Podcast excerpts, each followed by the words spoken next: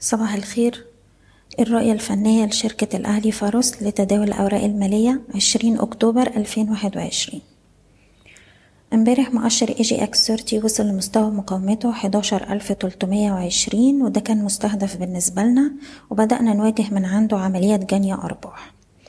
التراجع ده رد فعل طبيعي للطلعة الممتدة ما بين عشرة آلاف ميتين وتمانين لحد الحداشر ألف تلتمية وخمسين يعني حوالي ألف نقطة صعود متواصل بدون أي تصحيح.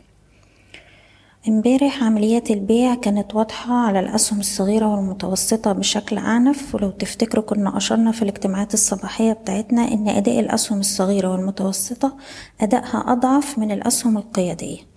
وإن الطلعة كانت راجعة بشكل أساسي لأداء السهم التجاري الدولي وفوري والقبضة الكويتية وبعدها بعض الأسهم الكبيرة بدأ يظهر فيها ارتداد لأعلى مع استمرار ضعف أداء الأسهم الصغيرة وزي ما حضراتكم عارفين النهاردة أول يوم تداول لشركة e-finance والمفروض النهاردة ال sentiment بتاع ال market يكون إيجابي أو الحالة النفسية للمتعاملين تبقى إيجابية.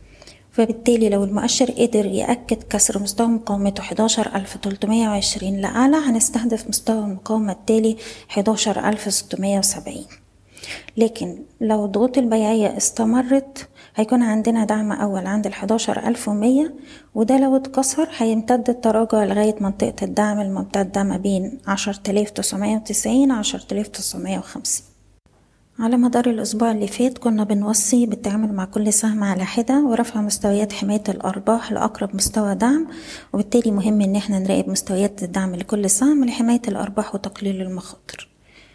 وبنتمنى ليكم كل التوفيق.